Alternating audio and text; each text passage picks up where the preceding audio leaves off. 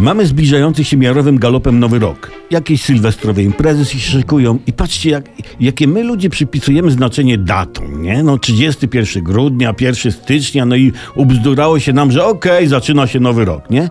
Tak się umówiliśmy i pogrzeb nam w uchu. Nic nie zrobisz. A przecież, jak tak pomyślisz, to to nie ma kompletnie znaczenia. Poza tym, że jakaś impra jest, nie? Ale można bez Nowego Roku żyć. Weźmy zwierzęta.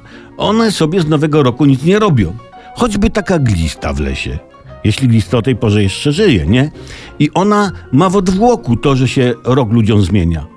Chociaż ona glista nie powinna narzekać, że jest Sylwester, bo glista nigdy nie spędzałaby samotnie Sylwka. Wystarczy, że się odwróci i już ma swoje towarzystwo z racji budowy ciała. Bo ona glista z tyłu jest taka sama jak z przodu. Gdzie ma tyłek, to nie dojdziesz może z tyłu, może z przodu. W każdym razie o północy może się sama w dupę pocałować, nie?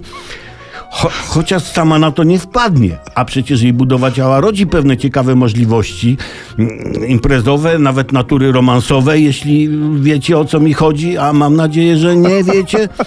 W każdym razie przejście ze starego w nowy rok to sprawa tak wysoce umowna i nie powinniśmy przywiązywać do tego zbytniego języczka uwagi. Po prostu wykonajmy bez napinki tak, takie, no, nie wiem, no trzy razy P, pojeść, popić, potańczyć, czy tam czwarte jeszcze i się nie przejmujmy nowym rokiem.